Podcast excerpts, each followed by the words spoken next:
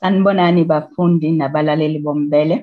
Igama lami nginguSilindile Khanyile. Siyanamukela futhi engosini yethu lapho sidingida khona umthetho kungolwesibili umhla ka-11 October. Ngesonto elidlule siphelile isigwebo sezinyanga eziwu-15 esasinikwe wayengumongameli wezwe umnumzane uJacob Zuma. uZuma wayeboshelwe ukungawulandeli umyalelo wenkantolo yomthethosisekelo waphuma ngoshwele wokugula kodwa inkantolo ibisisichithile lesi sinqumo. Nokho ubesangaphandle ngoba ubefake isicelo sokusidlulisela isinqumo senkantolo. Ukubheka lolu daba kabanzi ukhona ungudwethu womthetho umnumzane umpumelelo zikalala wezikalala attorneys mnumzane zikalala siyakubingelela futhi siyakwamukela kumbele. Angibingelele kakhulu bese ngibingelela nabalaleli nababukeli bombele Mnumzane Zikalala sisho ukuthini lesi simemezelo noma isinqumo esimemezelwe umnyango wezokuhlumelelisa izimilo. Hmm. asikhumbule ukuthi inkantolo zifike zikhiphe isinqumo zithi cha engathi kufanele uyohlala ejele.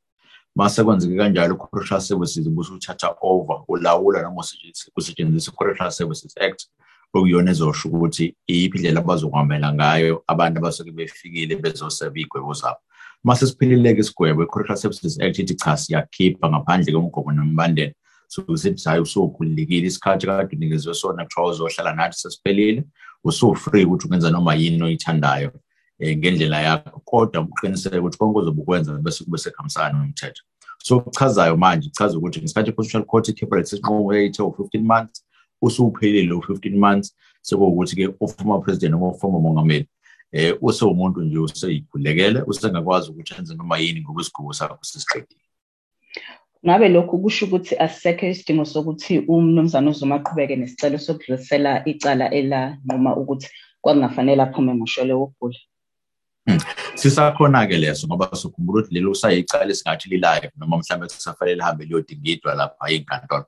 Ukudluliswa kwesigwebo kusuke kuchaza noma ukudluliswa kwesinqumo kusuke kuchaza ukuthi isinqumo kade sikhona ekuqaleni noma the status quo would remain and then up until inkantolo izokwazi ukudecide ukuthi kwenzakalani khona. So sibalulekile ukuthi asibe khona ngoba siwumyalelo ovela inkantolo if ungafuni ukuthi asibe khona inkantolo efanele iziphinde ikhiphe omunye umyalelo futhi ofuthi in this case kuzobe inkantolo engaphezu kwale kade ukuyona lezo besithi khona cha mina ngicabanga ukuthi asiyishintshe ngale ndlela ekade ibhalwe ngayo manje. Sibone ukuthi ukulungise kuwukuthi hayi hambe uyohlala ngaphandle ususiqedile isigqoko sakho. So kungenzeka ukuthi technically usesiqedile iy'nyanga zakhe.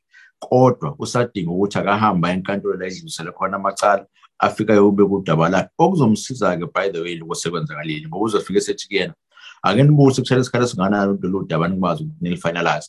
Sengize ngasiqeda isigwebo sami ayikho manje into ekwazi ukuthi ngihlanganise nani. Niyafuna yini ngempela na ukuthi ningifake kuthiwa ngihambe ngiyohlala ejele? Ikakhulukazi esigwebeni sesiphelile sengiqedile ngaso. Kwavele kade ngaphansi correctional supervision iphume ngeparole. So yini naba nizofuna ukuthi angiphinde ngaphakathi ngibe ngivele for lack of a better word kade ngiyisiboshwa ngabe ngamanye amazwi kusho ukuthi uma kungathiwa inkantolo yokudlulisela amacala iyavumelana nenkantolo le ekhiphe isinqumo sokuqala sokuthi kwakungafanele aphume ngoshwele usangaphindela ejele? Kungenzeka noma sikuhlukanise kabili inkantolo ingathi cha isinqumo sokuthi uphume ejele asivumelani naso. Njengoba singavumelani naso ake sibone ukuthi ama repercussions nemithelela yalo kuzobe sithini hayi inkantolo uma ngabe kuwukuthi iyamcabangela noma yenza ngale ndlela engicabanga ukuthi uzokwenza ngayo ithi akube khona ubulungisi izobe sithi hayi um baba umsholozi siyabona la ukuthi akuwena wayikhipha ejele azange uze uyisayinele out azange uze uyinikeze uyikhiye uyivulele. Kodwa wena into owayenza wafaka isicelo isicelo sakho sabe sesiyavuma. Asikuyeke-ke wena sihambe siyopanisha lo muntu uthathe isinqumo bengingafanele ngapho usithathile and then bese siyakwazi ukuthi sidile naye. Yebo siyazi ukuthi uphume ngaphandle ngenza ukuthi khona izinto ekade zi-wrong noma mhlawumbe kade zikhona angeke sisakunaka lokho ngoba wena kulo muntu esembiza ukuthi u-innocent applicant umsulwa ngoba ufake isicelo nje kuphela isicelo sakho sabe sesiyocubungula omunye umuntu. Bese sizodila nalowo sicubungulileke bese sizobona ukuthi yiphi lelo sizokwazi ukuthi simpanishe ngayo option one lo. Option two inkantolo ingabe sithi yabona ngendlela esiyinkinga ngalesi sigwebo esiphumile nangendlela isinqumo sasithathwe ngayo angeke size sithathe njengokuthi kade useva noma kade ungaphakathi ejele noma kade ilungelo lakho linqondiwe ukuthi uye noma kuphi lapho uthanda ukuya khona. Thina sithathe njengokuthi ubungaphandle isigwebo bungasevanga akuphindile ngaphakathi. Uyoqala lo 15 months wakho okufanele ngabe uqalile and then makuthiwa uyaphuma ungeparole within the 15 months uzobe uphuma uma sekulandela imigomo nemibandela ebhalwe i-correctional services act. Ukhona yini mhlawumbe esingalindela ukuthi uzothathelwa iy'nyathelo emnyangweni wezokuhlumelelisa izimilo? Eh ikakhulukazi umnumzane Arthur Fraser ngicabanga ukuthi kukhona okuningi abazokubheka ngakuyena. Ikakhulukazi if ahluleke ukucubungula noma mhlambe uku-interpreter i-Correctional Services Act ukuthi isebenza kanjani. Asikhumbule ukuthi kade kuyiposition e, e, e, of power. Iposition ebaluleke kakhulu futhi nechazayo i-Correctional Services Act ukuthi uma kuthiwa execute umsebenzi wakho kumele u-execute kanjani.